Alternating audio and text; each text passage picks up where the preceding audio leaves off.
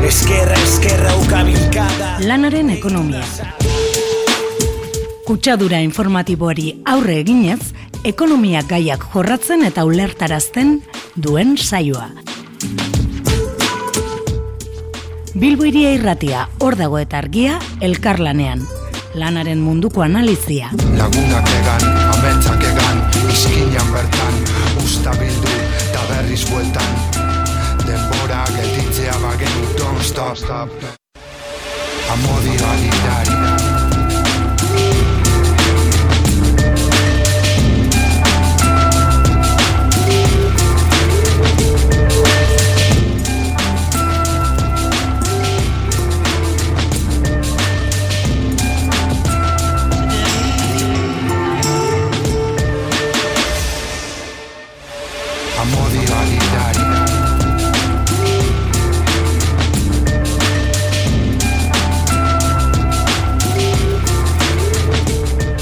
Hemen barriz be lanaren ekonomia irratzaian gagoz, e, Bilbo irian, eta lanaren ekonomia sortu da e, Bilbo iria argia eta hor dagoren elkarlanari esker.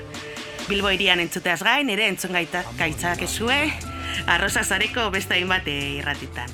Ba, gaurkoan etxe bizitza politiken inguruan hitz egingo dugu eta horretarako ba eaeko hiru herri iritako egoera aztertuko dugu, bai?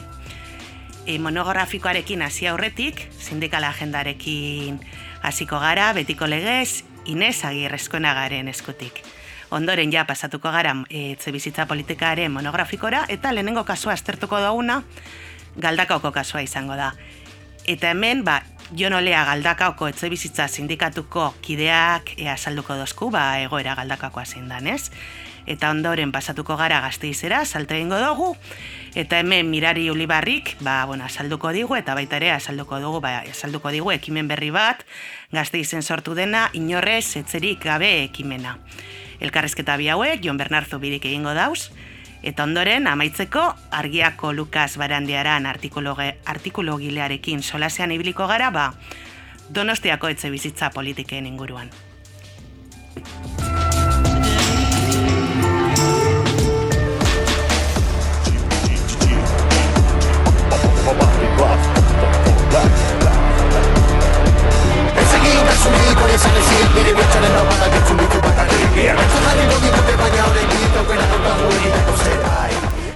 Bueno, ba, egunon danoi eta hasiko gara e, sindikal agenda komentatzen. Betiko lez, gogoratuko du badagoela aukera e, programara deitzeko eta zuen e, deialdi eta proposamenak bidaltzeko, sei, lau, lau, lau, bederatzi, bederatzi, bos, bos, lau, telefonora. Eta bueno, e, hasi aurretik edo hobeto esan da hasteko, e, beti komentatzen dugu saio hasieran, e, vulkanizado zuloaga enpresako langileak greban daudela greban daudela, baina astelen honetan, hau da, martxoak amairu, greba mugagabearen zeireun da amabosgarren egunean, soldata eta baldintzak e, eskatzen zituzten baldintza duinak lortu dituzte azkenean, berriz ere e, errepikatuko dut, zeurein da amabosgarren greba egun e, egin ondoren.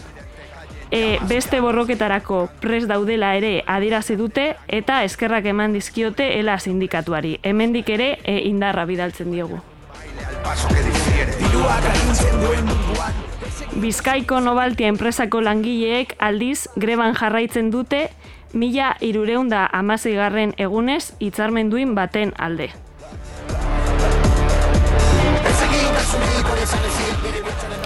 Bi asteko negoziazioen ostean eta sei bileren ondoren, Petronorreko zuzendaritzak ez die KPIa bermatu nahi langilei. Eta beraz, langileek lanusteak egingo dituzte, martxoaren amarretik emeretzira. Astelen honetatik aurrera, hau da, martxoaren amairutik e aurrera, pentsionistek e, deialdia deitu dute martxoaren amazortzira arte. Goze greba eta itzialdia egingo dute gutxienez mila larogei euroko pentsioa eskatzeko. Corrompiendo las ideas, tu cuerpo bilis, un pueblo que flaquea y mentira en su crisis Implikak estatu osoan dituen zentroetan eunda laro geita bost langile kaleratu nahi ditu. Bilbon eunda berrogeita amasei langile ditu eta ostegunean hasiko da kaleratze kolektiboaren negoziaketa. Horregatik, elak greba mugagabea deitu du Bilboko zentroetan kaleratze kolektiboaren aurka.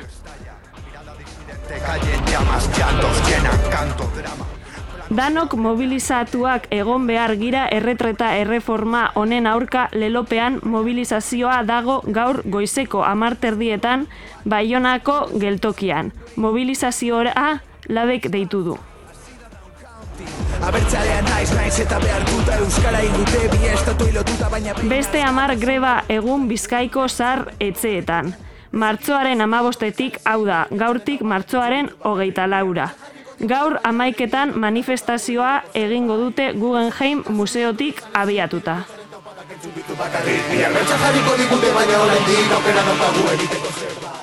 Aurrekoetan aipatu bezala, Bizkaibuseko langileek hainbat lanustera deitu dute, martzoaren bigarren amabostaldi honetarako. Lan hitzarmen duin baten alde. Busturi alde eta lea artibaiko lineak hogeita lau orduko paroa deitu du martzoaren amaseirako, hau da, biharko, eta paro partziala martzoaren amazazpi, hogeita bat, hogeita lau eta hogeita sospirako.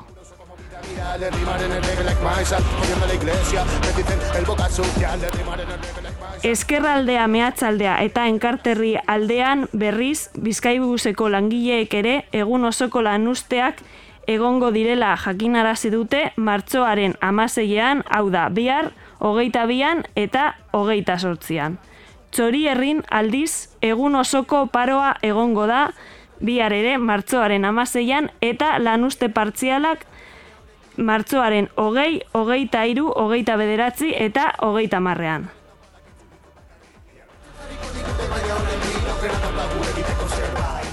Eskubide sozialen kartak privatizazioaren aurkako protesta egin eta zerbitzu publikoen aldeko hogeita iruko greban parte hartzeko deia egin du.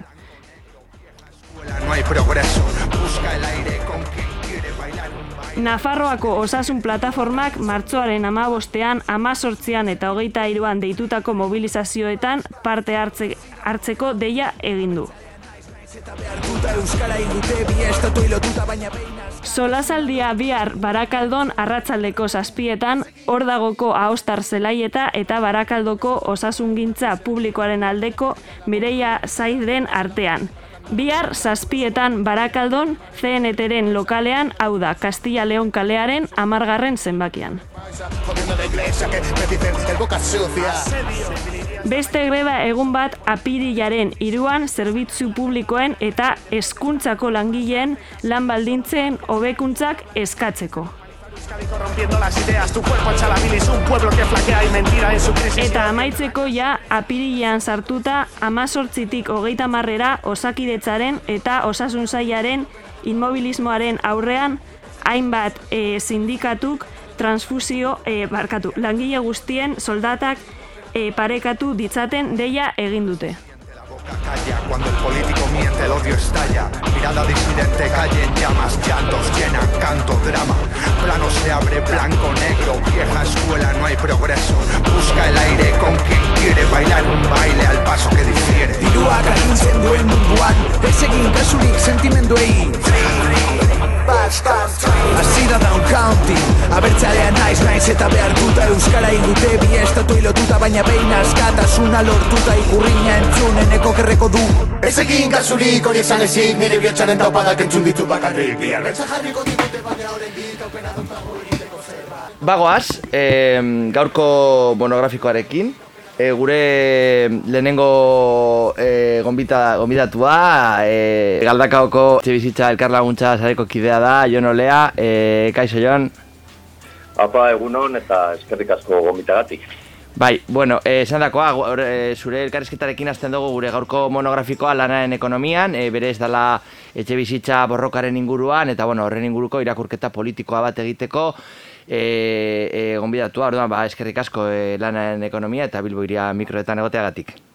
Ba, eskerra zeboi, eta, bueno, goi zaire, kuruz benen. Bueno, berez etxe bizitzaren borrokaren lorpenak, e, mugak eta torkizun erronkei buruz berbaiteko, ba, gonbidatu dugu galdakaoko elkar bizitza sindikatua, ez? E, kaso honetan, elkar, e, galdakaoko elkar laguntza zarea antolakundearen barruan kokatzen den lalerro estrategikoa da, etxe bizitza sindikatua, eta bueno, ba, zu bertoko kidea zara, orduan e, lehen, da bizi, ba, aurkeztu halko zenuke zein da galdakaoko etxe bizitza sindikatuko jarduera? Bai, bai, ba, ba bueno, apurre terraz eta simpleki azteko, ba, bueno, eh, hasi gaitezan sindikal, sindikalismoa zer dan gutzako, eta, bueno, ba, sindikalismoa guk esaten dutxagu geure buruai, etxe bizitza sindikatue, geure etxako sindikatue dalako, ba, konfliktue, klase ikustegi eta autoorganizazioa erabiliz, ba, gizartearen baitan e, topa geritzaken arazoei aurre itxiko, ba, tarrez nadala, ez da, sindikalismoa. Eta, bueno, eta ja jarraian eh, helburu batzuk zerrendatuko dudaz, jakiteko geure gure eginkizun esentzu diezan, eta, bueno, alde batetik izango zen, etxe bizitzaren problematika ezagutaraztea, herri zen, gero, etxe bizitzarekin lotutako egorei irtera emotea, alokairuek, e, burokrazia, padroia, holango gauzek, kalderatzeak, e, beste alde batetik komunitate politikoa sortzea, eraikitzea, gero generoaren, gazten, klasearen eta arrasismoaren aurkako hausiari heltzea, eta honen bitartez, ba, klase antolakuntza eraiki, eta, bueno, eta ekarpenak egin e, borroka iraltzaileari, ez da? E, elburu estrategiko baterantz, komunismorantz.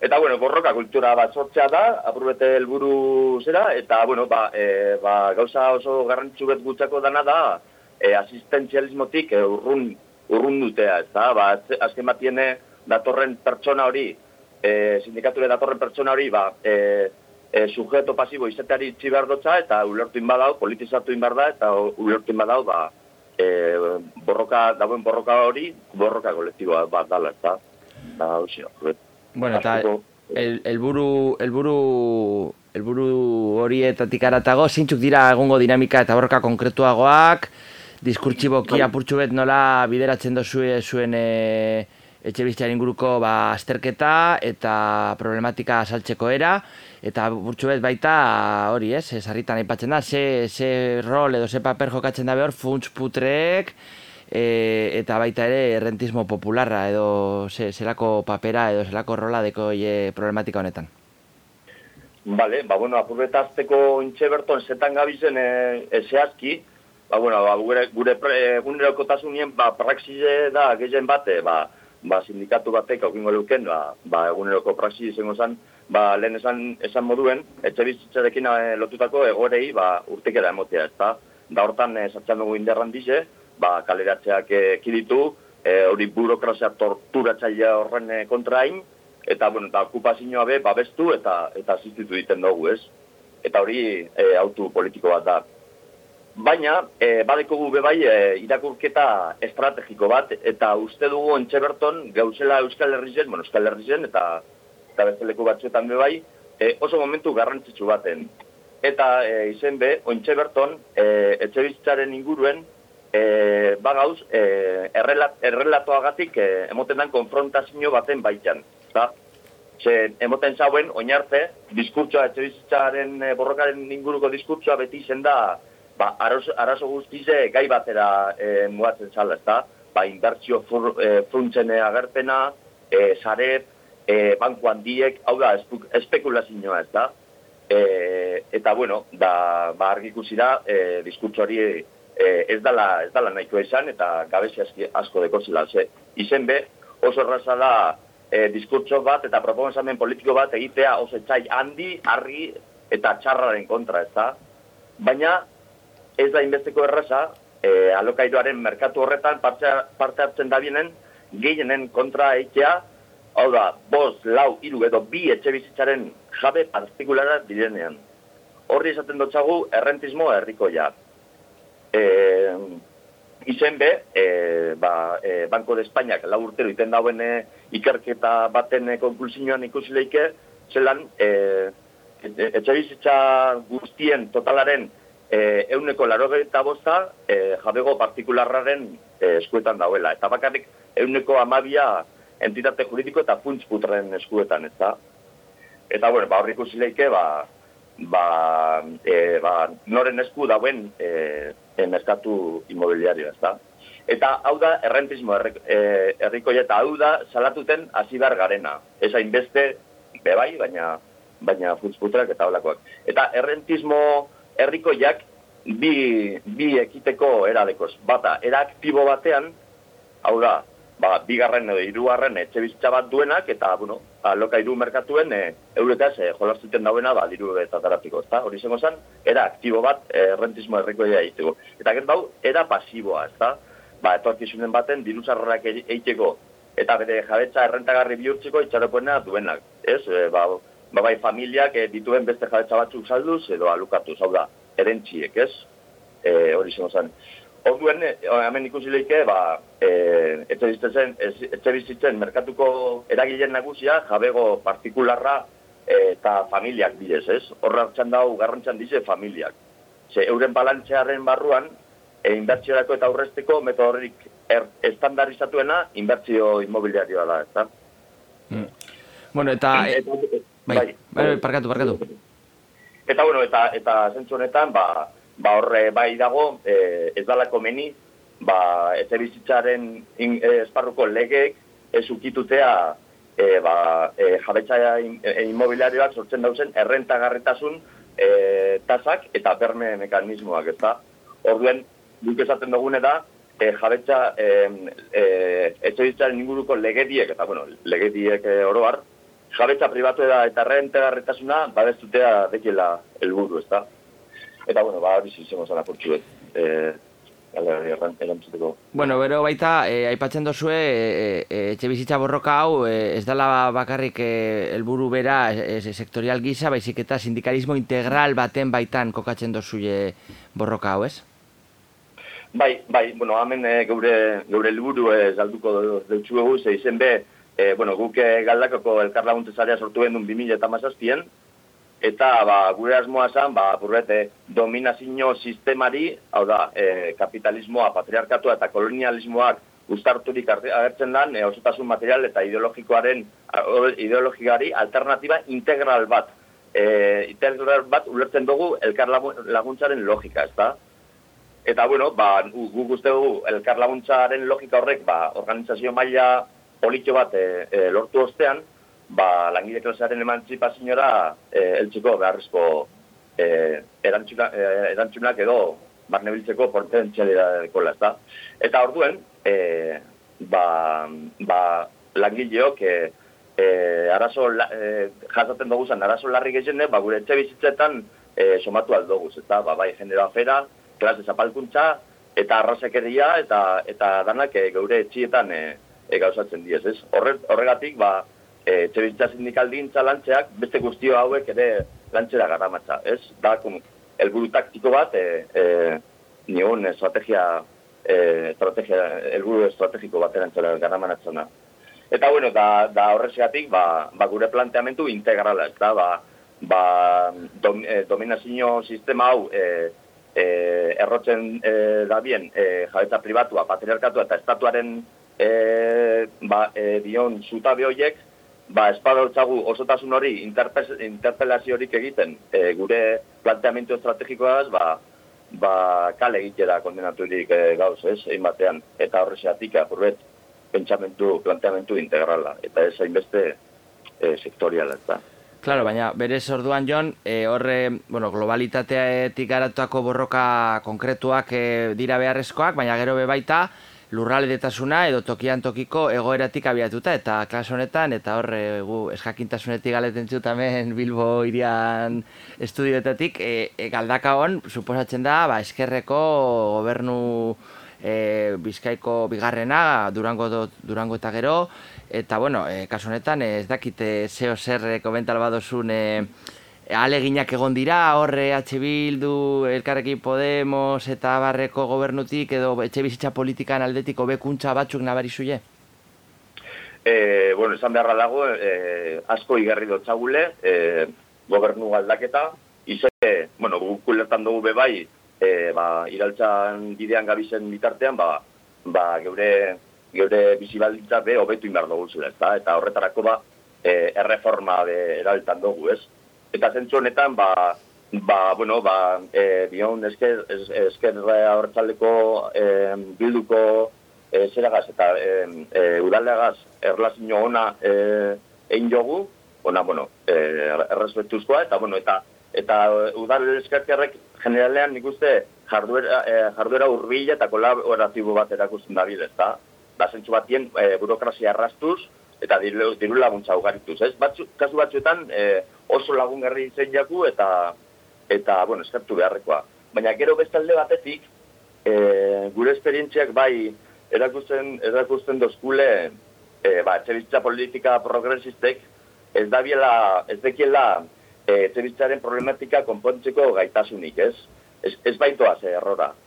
Azken batien, e, ba, ikusilike eskutu soziala edo kaleratzen e, moratorianen esperientziaren porrot hoiek e, argizten da bie, ba, ba, neurri eta lege hauen e, antzutasunez, eta Eta, bueno, da, azken batien, gero be e, ikusi behar da, ba, e, ba, bueno, ba, e,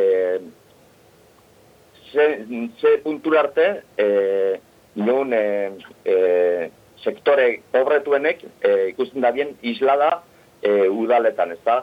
Ba, dio, esan, esan like, ba, e, letra edo alokailoa ordaintzeko arazoak dituzen familien eunet, e, osotasunaren euneko hogeiak ezi, e, arazoak deko zela pagetako. E, bai alokailoa eta bai, eta bai letra, ez da? eta e, euneko hogei horrek e, ba, sufritan dauela e, nion minorizazio politiko bat, ez da, azken bat tiene, e, ba, bueno, e, alderdi eta botoa emoten diena e, klase er, ertaineko profil hori da, ez da, eta, bueno, eta agian, e, ba, sektore proletarizatu dago honek ez dauela parte handiago hartzean, ez da, orden, hor bai, emoten dala, e, e, deskonexio bat edo, ez, ulertan dugu. Eta deskonexio honek, e, ba, badekola, como presio handiagoa, e, dinogun talde politikoki minorizatuetan, ba, bai gazteetan, e, andretan, e, ba, lan agaldu da biene e, e, de mailako familiak, eta batezbe, batezbe eta oso nabarnenki, e, familia migratzaileen gainean. Orden hor bai emoten dela deskonexio bat, ez, zentsu honetan. Ondo, eta, bueno, ba, tokiko egoeratik aratago, eta tokiko politikan mugak e, agerian, edo, bueno, e, asaleratu eta gero, ba, ba goaz, apurtxo egorago, eta apurtxo bet gaur, e, oza, egun goazte, oza, egun, gaur egun, eta batez be, azte hauetan, e, ba, pilpilian egongo dan, etxe bizitza legeari tiraka, apurtxo bet ez dakit e, zuek horren inguruko posizionamentu badeko zuien, edo, behintxet, lege berri honek, etxe bizitza legeak, zelako e, bizibaldintzako betxeko gaitasuna ekarriko dauen, edo, bueno, ze aurrik usten duzu Bueno, a ber, hau e, era informalean egin jogu berba, geure artean, eta, bueno, ba, konklusio batzuk, ba, ez diez oso sakonak, ba, baina bai, e, posizionamentu bat, e, e, zera, e, espresatzeko modokuek ez. Eta gehien bat, e, gehien bat, e, bueno, ba, e, sindikatuek eta e, zen, e, gauza berien e, konsiditan dugu, lege honen e, aspektu berdinetan konsiditan dugu polemikoa diesela, eta ba, lehenango izango zen, ba, ba hori, eremu tentsionatuak ez da, ba zelan, e, ba, badauzela, e, ba, bi baldintza, e, e, neurtzeko, e, eremu bat, edo hiri bat, edo lekunbet, tentsionatu bat dala, hau da, e, e, bereziki, so, e, pairatzen dauela, e, dinogun e, problematika, etxibizitzaren problematika. Eta orduen, eta, eta klaro, e, den bat entxionatu diten danean, orduen, e, alkilerren edo presioen e, regularizazioa etorriko zan ostean, eta, eta oza, topea izintzea e, alkilerrei. Baina, klaro, e, horretarako, beharrezkoa dizen baldintzak, e, aurre ikusten da, ez diezela inoiz e, e, emango, ez da, balde batetik, lehenengoa da alokairoaren batazbesteko kostua, familien batazbesteko errentaren euneko hogeita marra, baino handiagoa izatea. Hori ez gertatuko oso gatsa da gertatutea. Eta gero bestalde batetik, bigarren balditze, izango zen, etxe bizitzaren presioa batez be, IPC-aren gainetik bi punto igo izana. Honek esan gure da, ba, atzenengo, atzenengo iruilean, e, trimestrean, saspi koma bost espanagoker e, igonda IPCA eta bueno, ba, bi, bi punto e, gehitzen motxaguz, ba, kasika amarrera doi ez da, da, da hori ez da pasauko inon. Edo, pasetan bada, hiri nagusienak edo, edo e, langileriaren kaleratze masiboak e, sortzen nizan gune horietan, e, ez da gongo, ez? E, am, e, uneko aparren e, dion e, igo, igoera hori. Eta gero bestalde batetik badau, e, bigarren asmo bat, zin da, dana e, etxe bizitza parkin publikoaren handitxe bat iragartzen dela, ez da? Eta, bueno, ba, guk pentsetan dugu e, arazoa ez dela e, etxe bizitzak itxi dauela, edo ez dauela, eta eta are gitxiago, ba, estatuaren eskuetan e, egotea izatea soluzioa, ez da? Eta, bueno, beti izaten dugu, ba, arazoa ez dela etxe bizitzaren presioa, etxe bizitzak presioa izatea baizik, ez da? Da, bueno, hori zera gure, gure planteamentua. Ondo joan, eta ja bukatzeko, e, eta bueno, hainbeste eta hainbeste kontuak aipatu eta gero, ba, etorkizunera begira zeintzuk diren zuen erronkak edo apurtxu bet zer, zer etorriko da? Bai, bueno, ba, alde batetik, e, ba, ba, gabiz, e, e, sindika, e, sindikatu batzuk Euskal Herri mailan e, antolakuntza bat e, eraikitzen, e, izen be, ba, pentsetan dugu, ba, e, nazio mailan, e, ba, e, presio gaitasune be, sortu inbar dugu, eta koordinazio gaitasune eta ekintza bateratuak e, egiteko e, gaitasun hori garatu inbar dugu eta, ba, bueno, ba, da gero maila txikiarrago batean, ba, agian e, bai sartuko garela, ba, espezializazio sindikaletan edo, ez? Adibidez, e, e, badaukagu intenzioa e, hipoteketan e, espezializateko, ez? Ba, e, formazio handiak itea e, ba, e, hipoteken inguruan, eta, eta ba, bueno, da holan e, detektatu aleizeteko, oza, zelan, zelan e, egin, e, ba, hipoteka arazo baten aurrean, eta, eta bueno, eta txarlak emotea, eta hori ze. Eta, bueno, da, segidutea egun erokoan, ia, ia zozo lortzu egun. Bueno, ba, animo, ba, eskerrik asko jo nolea, e, galdakaoko etxe bizitza sindikatuko kidea, eskerrik asko, ba, bilbu irian e, mikroetatik pasatzea gaitik, eta animo zuen borrokan, eta aurrengo batera arte. Ba, eskerrik asko da noi, eta, bueno, da zorizunak e, zegoen programa gatik, ze, ze, bueno, oso, oso programa beharrezku da, eta da erra, da eskerrik asko. Eskerrik asko zuei.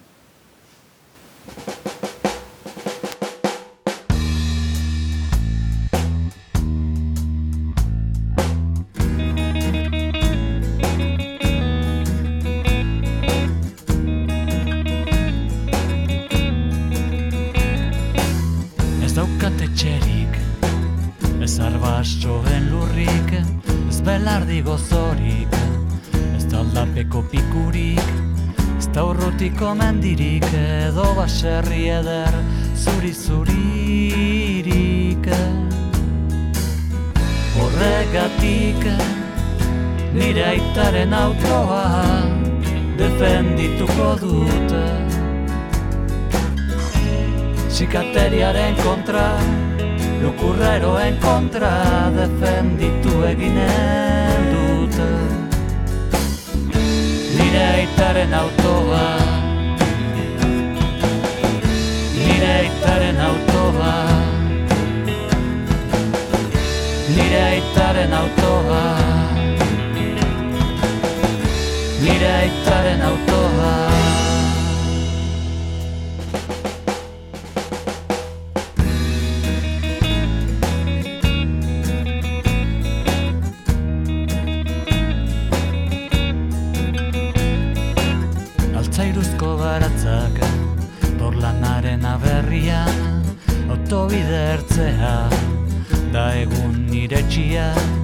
Ta kamioi batek iltzuen eren egun Gure aita zana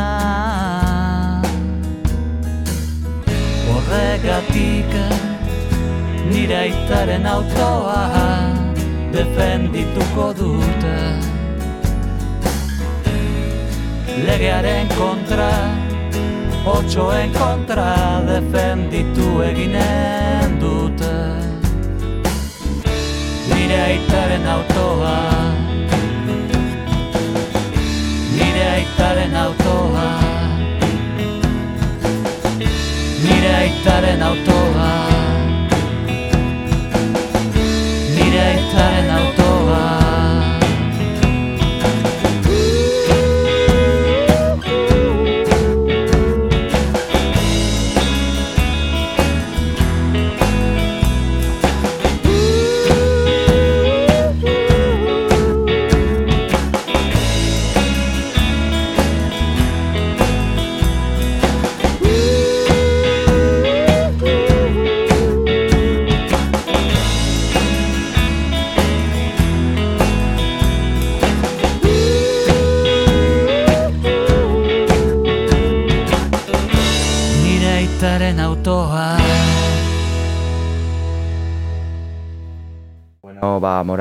Morao Hernaniarraren Iparragirre eta Aresti autobidea hartzean e, abestia entzuneta gero. E, ba, gure urrengo gonbidatua dugu ja e, prest, e, bera Mirari Ulibarri da, e, egunon Mirari? Egunon.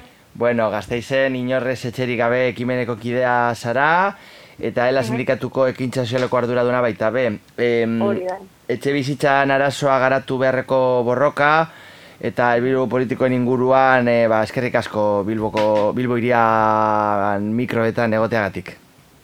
Eskerrik asko zuei ahotza emateagatik. Bueno, eh. Bai, zuri, zu- zuri baita ere eskerrik asko mirari. Em, bueno, a ber, em, azteko, e, zuek gazteizen e, ba, ekimen e, honetan, e, apurtxu bet inor ez etxerik gabe ekimenean, e, zer egiten duzu edo, zer, zer da? E, azaldu alduzu apurtxu bet gure entzuleen txako? Bai, ba, bueno, derecho a techo inorrez kale gorrian ekimenaren, pues, bueno, berez da, etxe bizitzaren problematika eta gazte, osea, gizarte bazterkeria zalatzeko pues, dinamika bat, bertan e, parte hartzen dugu eragile, sindikatu eta norbanako ezberdinak, eta egiten duguna da, orokorran gazteitzen bizi den, osea, pues, etxe bizitza eta gizarte bazterkeria honekin lotutako egoera ezberdinak zalatzea, eta horrekin ere, pues, nolabait, udalak ege- aurrera batea dituen politikak ere zalatzea. Eta, bueno, gazteizen kokatuta egon da, ba, ala beharrez, e, galdetu behar dutzugu, zein da etxe bizitza eskubearen diagnosia, edo zein da, zeintzuk dira arazo premiazkoenak e, gazteizen? Hmm. E, bueno, ni ere, bueno, na- nahiko nuken esan, azkenean, etxebizitzaren problematikoa, osea, e, arazo estrukturala dela, ez, eta orduan, pues, gizarte kapitalista baten baitan gauden bidean, pues, imaginatzen du gazitzeko egoera asko direla beste hiri herri batzuetan ematen diren osantzekoak, ez? Baina, bueno, pixkat ezatearren, pues, hori, etxebizitza geroz eta garestigoa dago- dagoela, eta soldatak ez doazela horren esku, gazteek ere kriston arazo daukatela emantzipatzeko, e, pasaren urtean, pues, ikusi egin, e, sindikatuan egin genuen azterketa bat, eta ikusi genuen gazteizen 2000 bosteun hitze bizitza utzi inguru zeudela, osea, hori, zeudela, Gero, etxegabetzeak, e, igual, pues, ez dira beste lekuetan bezain beste, baina badaude ere gazteizen, e, turistifikazioa ere, pues ez da donosti bat edo bilbo bat, baina e, hogeita bateko datuen arabera, pues, bosteun pisi, oza, piso turistiko daude araban, eta ba, etxe bizitza digabeko pertsona asko ere badaude gazteizen, eta nizut ere, pues, bueno, badaudela e, liburu asko irekitzeko, erroldaren gatazka oso handia da gazteizen ere, eta, bueno, nik uste dut e, gazteizen adibidez, pues, arrasak e, egin genuen aurrek urtean ere, e, ikerketa bat, arrazak, bueno, ikerketa bat, esperimentu bat arrazakiren inguruan, eta ikusi zen kriston arrazakiria dagoela, eta kriston aporofobia, eta uste dut ere gazteizen gero komentutuko dut beto ez, baina okupazioaren kontrako kriminalizazio itzela dagoela. Eta gero, ba, bueno, eh, askotan adibidez hemen gazteizen, eh, ikusten dugu, ikus igual, eh, unibertsitateko afera hori, ez? Eta unibertsitario asko daude, eta adibidez, batzuetan oso zaila egiten da, etxe bizitza bat alokatzea eh, logelaz ez bada, adibidez. Osea, orokorrean, ba, ema, esate izutena da, nahiago dutela, claro, etxe bizitza bat alokatu logeletan, eta ez pisu guztia, orduan, nola ez e, logelaka e, ordaintzea askoz garestiagoa da. Orduan, pues, bueno, badaude e, problematika asko, beste herrialde batzuetan, pues, e, partekatzen direnak ez, eta gazteizen, pues, e, hori, geroz eta ari gara ikusten, geroz eta auzo ziro, edo auto langile klaseko auzo horietan, etxe bizitza utz asko daudela, eta ari dela geroz eta expansionismo gehiago, eta etxe bizitza gehiago eraikitzen, ez? Ondo, egon gara apurtxu bete zuen sareak ikusten, eta bueno, ba, sarritan gazteizeko udala politika salatzen dozue, e, apurtxu bete ez dakit, e, azaldu alba diguzun e, urtaranekoak eta bere oinordekoak, ez, oin hartola zabal landerea eta bar, ba, zein arloetan dira kaltegarrienen, ez, etxe bizitza eskubiari Aha. begira, edo non daude bera udalan aldeko urraketa nagusiak? Hmm. Ba, saldu bezala, oza, arazoa estrukturala da, ez, baina egia da, azkenen urteetan, okertu egin dela, eta ez dela inolako inbertsioak aregotu, ez, oza, datoen arabera, e, aurrek urtean egon ziren, bueno, bolondrez batzuk, e, konteoa egiten, kalean bizi ziren konteoa egiten, e, de pertsonen kontra egiten, eta geroz eta pertsona gehiago bizi dira gazte izen kalean. Eta inbertsio publikoa ez handitu, eta hori gutxi balitz, aurten neguko dispositiboak itzi egin dira, eta aterpete, et, aterpeetan zoden oeak ba, gutxitu egin dira, eta gainera gutxi horiek ba, bete izan dira. Orduan horri ikusten da ere, inbertsio publikoa ez dela areagotu.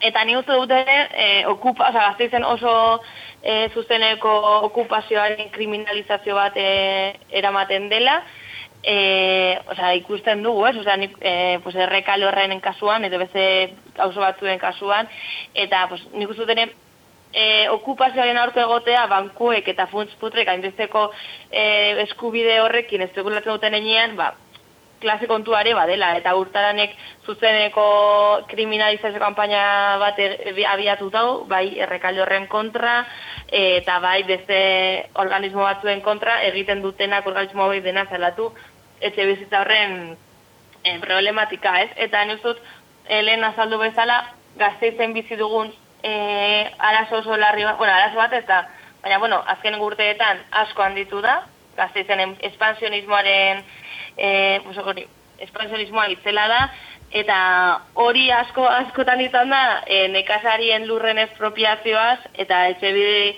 etxeberriak eraikitzeko asmo horietan, ez? E, dakigunean lehen azaldu bezala daude la 2500 etxe bizitza utz eta beste nolabaiteko aleginak eta politikak egona zirela, ez?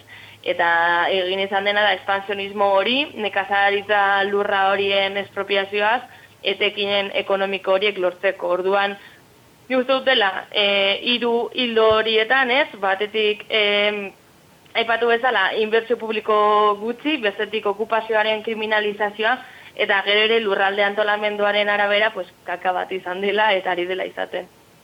Eta ez dakit eh, donostian gertatu den bezala, igual gazteizen e, badauela purtsu ba, elektoralistikoki, ez, e, zeo zer aipatu badan etxe bizitza, edo oraindik e, ez dauela sartu hauteskunde agendan etxe bizitzan gaia? Ba, ni orain ze, oza, egia esan da, dut ikusi, e, jakin badakit, ere e, oso famatu izan zela, ez? E, orain Beatriz Artola Zabalen ingurua sortu zen, pues, RG-aren kontua, baina egia da, e, gauza pila ditu bala buruan, orain dek elektoralismo horretan zartzeko. Bai. bueno, eta elektoralismo batetik bestera, e, eta gure aurreko gombidatuekin aipatu dugun bezala, ez? Batxutan tokiko problematika da etxe bizitzana, baina zuk esaten duzun bezala, ba, errepikatzen dela, ez, leku desberdinetan, intensidade edo epekotasun apurtxu bet desberdinagaz, baita tokiko politika apurtxu bete desberdinak egon aldira, ez, e, kasu honetan ba, aldakao baten, edo durango baten, ba, igual ez da politi, tokiko politika bardina gazteiz edo bilbo baten itzen dana, dana, baina edo zeinan muga batzuk daude tokian tokiko soluzioak edo em, konponbideak topatzeko etxe problematikari, ba, e, regimen kapitalista eta estatu eta legedi oso, oso sendo baten baitan daude. Eta hor dator, etxe bizitza legea, estatutik, ba, urrengo asteetan, e, prinsipioz, ba, e, pilpilan egongo dan gaia, gaia da.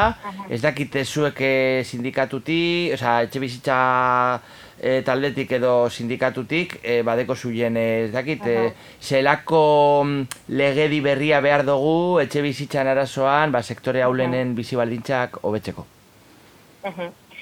Ba, bueno, a ber, nik nahiko nuken derrezaltatu ere, osea, etxe, uste dut, etxe bizitzari buruzko eskuduntzak autonomoia erkidegoei dagozkila gehien batean, orduan, estatutik, Espainian estatutik datorren lege hau ere, ez duela e, irauliko guk gaur egun daukagun egoera dena din uste dut oso beharrezkoa dela e, nivel juridikoetatik at e, gizarte hori ere estrukturatzea, ez, eta lege baten bitartez aldaketa hori ere emadaitekela, eta hori, hori usut berrezkoa dela izatea, baina, bueno, e, ja igual e, proposamenetan zartutan, pues nola ez alokaiduaren muga beharrezkoa daukagula, Gero ere, ari gara ikusten, azkenengo hilabeteetan eta urte honetan, euriborraren igoerarekin nabarmen ari da igotzen eta hori, ba, hipoteka aldakor hori eta interes aldakor horiek dituzten entzat, kristonara ez izango dela, eta hori be, frenatzeko tresna bat edo ezakit nola, baina ba, egin beharko litzatekela, gero nola ez etxegabetzak galaraztea, e, e, iparraren adibidez egiten zuen duzuen, baina konpentsazio legea dago, turistifikazioa ba, geldiarazteko eta uste interesgarra izango litzatekeela adibidez Madrid batean, e, porque Madrilen ari gara ikusten zentroa dela e, turistifikazioari berriratutako estruktura bat, eta Madrileko jende ari dela periferietara joaten beharrezko daukalako. E, gero ere, ba, etxe bizitzari bidatuako aurrekontua oso txikia dela eta murritza, eta hori ere handitzea. E, Aleokairuzko etxe bizitza babestua sustatzea, ni uste dut ere beharrezkoa dela zuzenean, baina atxerri tartazun legea moldatu beharra dagoela etxe bizitza bermatzeko, e, jende asko e, izugarrizko arazoa dituelako etxe bizitza eskuratzeko garaian, eta honi ere dagokio etxe, e, atxerri tartazura legearekin daukalako zuzeneko erlazioa. E, gero uste dut ere parte hartze handiagoa egon behar dela ez, e, bizitza politiketan, eta mm, azaldu bezala, lurralde antolamendu hori eta lurzaroaren kudeatzea. Adibidez gaztezen ikusi genuen nola nahi zuten e, lurzoru baten e, digamos, funtz e, juridiko hori aldatzea espropiatu eta, osea, espekulatu alizateko eta hori ere oso larria da eta hori nola ez kontrolatu behar da lege baten bitartez.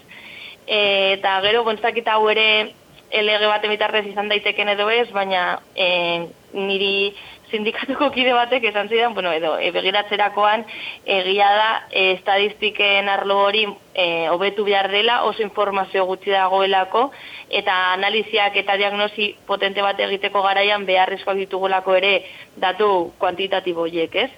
Eta bukatzeko, nola ez, ba, bankuen eta puntz putreen botere hori eta espekulazio hori murrizte, bueno, murrizteko helburua daukan tresna bat eraiki behar dela e, bai legalki eta bai ba, beste instrumento batzuen inguruz, ez? Ha, bueno, egia da, que esto es como la carta de los reyes magos, eskatzen dudana, ez? Baina e, uste dut oso punto beharrezkoak direla. Ederki, ez dakit, mirari bukatzeko beste zeo zer e, gehitu baiko, oza, gehitu, gehitu, gehitu nahiko zenuke, edo beste e, zeo zer e, plazaratu? Osa, ni uste dut, e, uste e, problematikarekin dagoena dela batetik, diagnosti kapitalista hori, e, non gure eskubide baten bitartez, etekin ekonomikoak ateratzen direnak, eta gero dagoela e, arrazakeria eta porofobia. Eta hori e, gainditzen ez badugu, arazoa ere ez dugula gaindituko. Orduan, ni uste dut, eklas elkartasun hori beharrezkoa daukagula, eta antolamendua, eta uste dut horrekin nik bukatuko nukeela. Oso ondo, mirari ujibarri, e, gazteizen inorrez etxerik gabe ekimeneko kidea eta baita ere ela sindikatuko ekintza sozialeko arduraduna. Eskerrik asko. Zuri, urrengo, urrengo batera arte. Bai, eskerrik asko.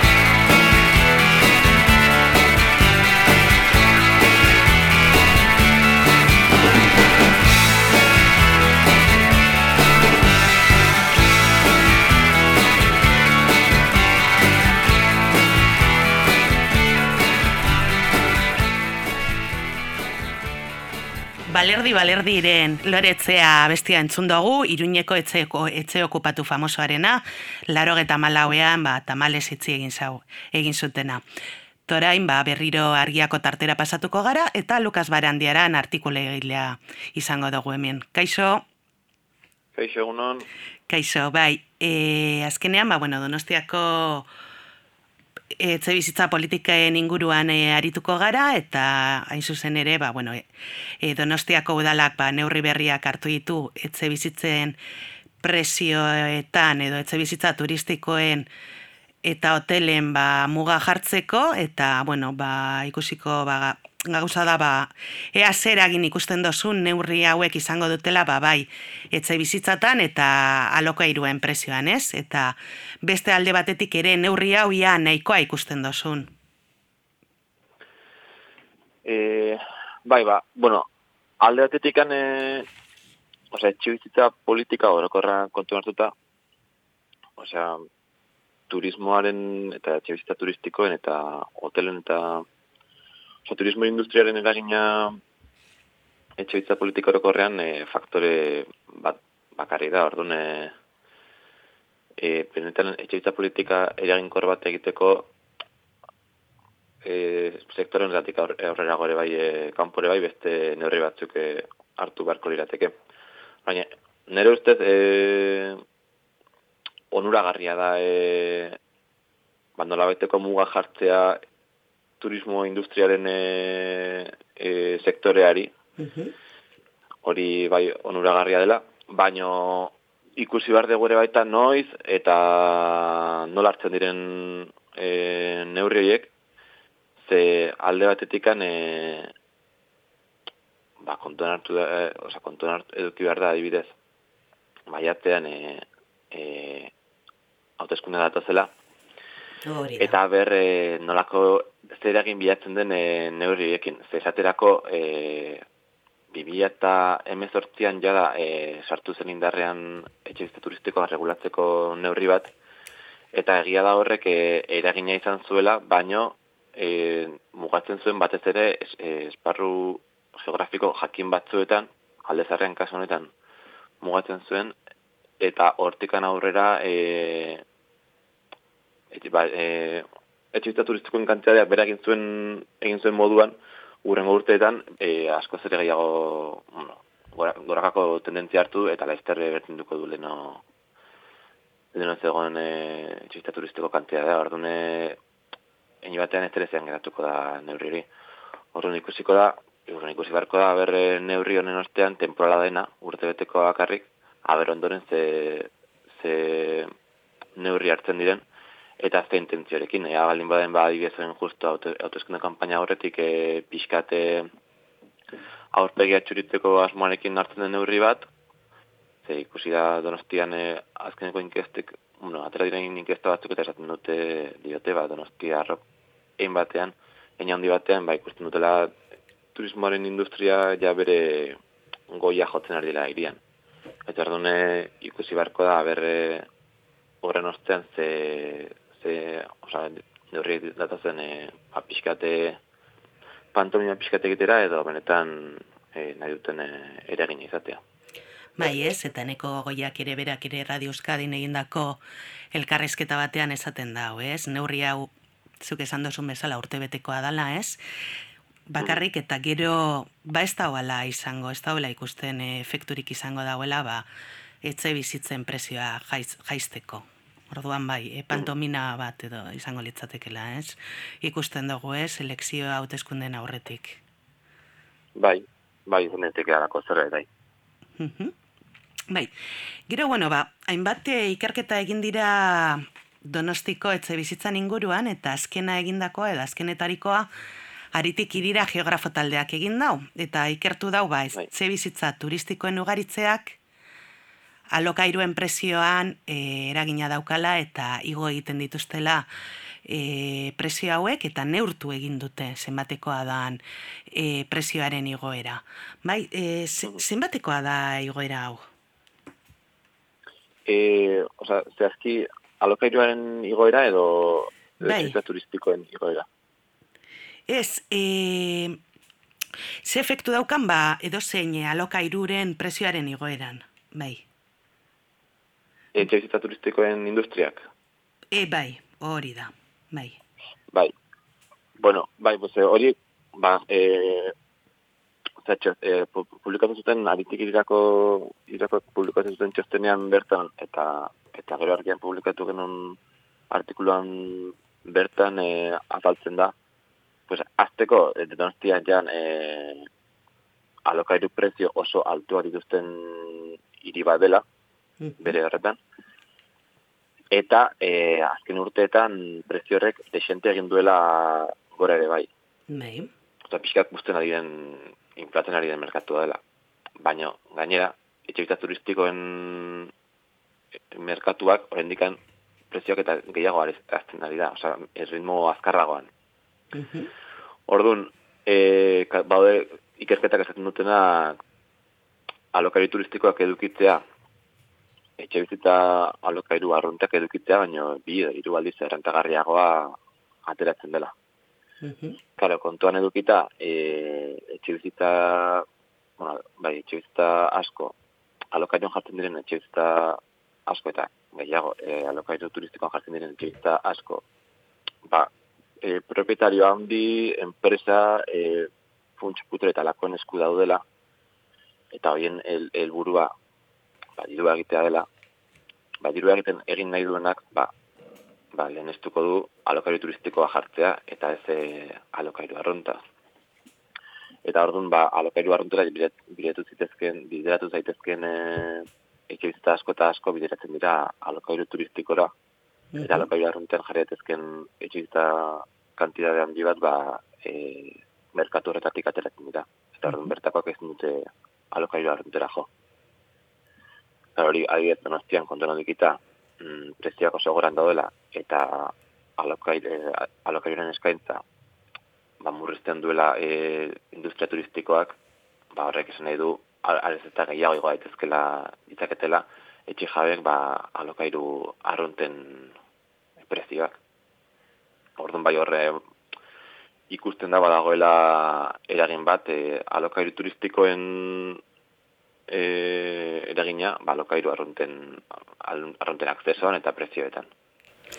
Bai ez, eta bueno, ba, ikusten da azkenean, e, ba, bueno, eragina handia dala eta bueno, ba, sektore askotatik bai ba, kritikatu izan da ba, Donostiako udaleko etxe bizitza politika, ba, bueno, ez dela nahikoa turistifikazio turistifikazioaren efektuak e, ba, konpensatzeko edo apaltzeko eta bueno, ba, zurestetan ba, zen neurri hartu beharko litzateke edo lirateke etxe bizitza ba, politika sozialago bat ba, bideratu alizateko e, donostiako kasuan.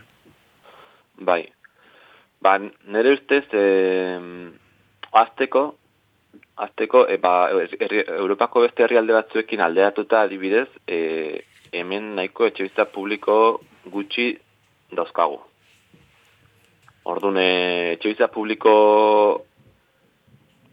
publikoen e, e, asko zere gehiago eskaintzeak adibidez, e, nik ustez lagundu dezakela orain horre eta bere horretan ez nuke utziko, ez eh, kritikak ere baita egin dira, etxe publiko da sartzeko akzesoa ere, askotan e, oso zaila dela, bat ez zerri kontuan edukita, ba, jende, gizartenetako jende e, pobreenak e, akzeditu behar duela etxe horietara, eta eta trabasko jartzen zaizkiela bai burokratikoki ba bai e, e, segimenduak abiz duela aste bete dobi ateratzen albistea ba poliziak e, alako laguntza soziala jartzen dituzten pertsonei e, bisitak egiten dizkie dela bisita behartuak etxeetara hain etxeetara eta atxet, eta bisita horiek onartu ezean ba izuma jartzeko aukera dagoela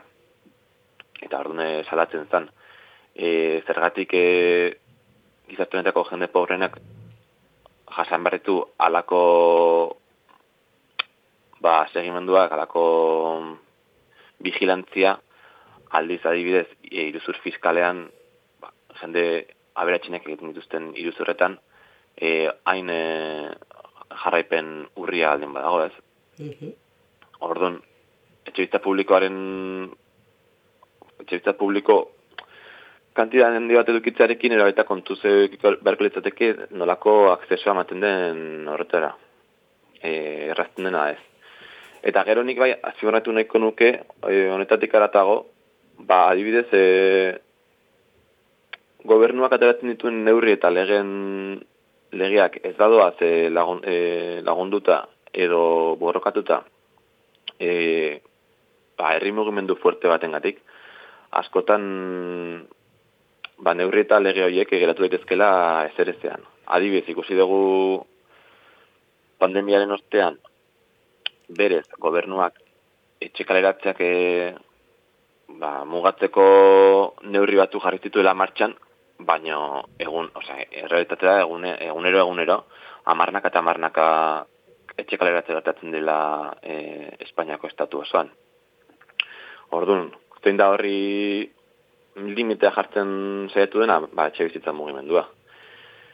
Eta noski horrek, horrekin esan nahi duena da, ez adin badago etxe bizitza mugimendu fuerte bat, ez dago herri mugimendu fuerte bat, benetan e, erreal bilakatzeko gobernuaren e, borondatea eta gobernuak jarritako errekurtsoak eta eta legeak, ba horiek zer ezean geratu daitezkela eta ordune beharrezkoa dela etxe bizita duin bat edukitzeko mundu guztiak, beharrezkoa dela e, horretarako herri mugimendu bat e, indartxu egotea.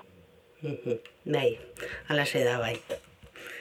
Bali ba, e, Lukas Barandiaran, ba, eskerrik asko e, donostiako kasuari buru zitzu diterren. Eta beste bat arte. Bai, bai. Bai, agur. Agur.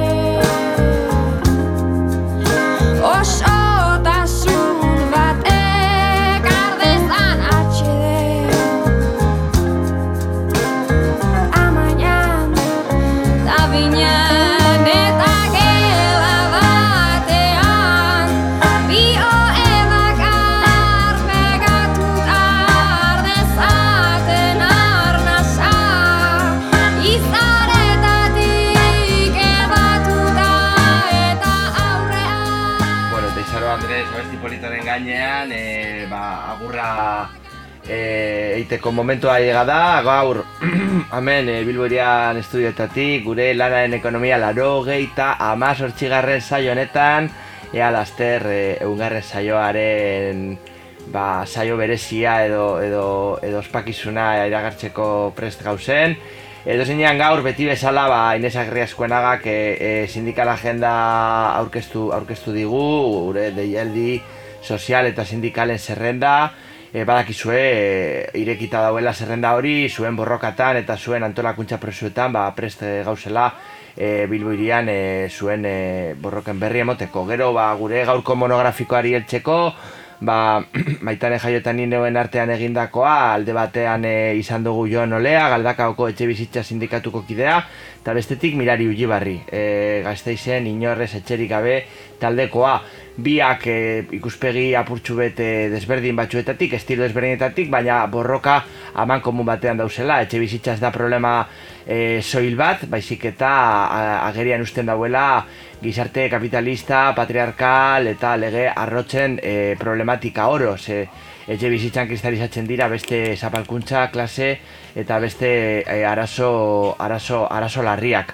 Orduan horbe bai, ba, irakurketa politikoak entzun ditugu eta bueno, ba, eskertxa bizei eta beraien kolektiboei ba, gurean e, bilbuirian egotea gaiti. Gero bukatzeko gure betiko argia atalarekin, ba, Lukas Barandaran izan dugu e, gurean, bera donostiako ba, turistifikazioan inguruko azalpen bat egin digu eta baita ba azken e, asteanetan baita e, argiako beste kideekin batera egin da lanketa bat urko apaolazak be parte hartu dauena ba eneko goiak e, ikuspegi preelektoral batean iragarritako neurrien ba, ba mugak eta eta guztiz ez behar hartu zena incluso hipokresia, eh, zelan eh, alde batean probleman parte zara eta gero problemas konpontzeko neurri partzial eta oso timidoak iragartzea. Bueno, berez, baita esan behar, iluñako itxe bizitza sindikatua gonbidatu dugula, baina ezin izan dabe gure ordutegiekin eh, bat etorri, eta bueno, ba, betiko ere, ba, eskertzea, e, lanaren ekonomia egiten dugun, ba, hor dago, El Salto Radio, Argia, Bilbo Iria, baita eskertzea arrozesareko beste irratiei, gure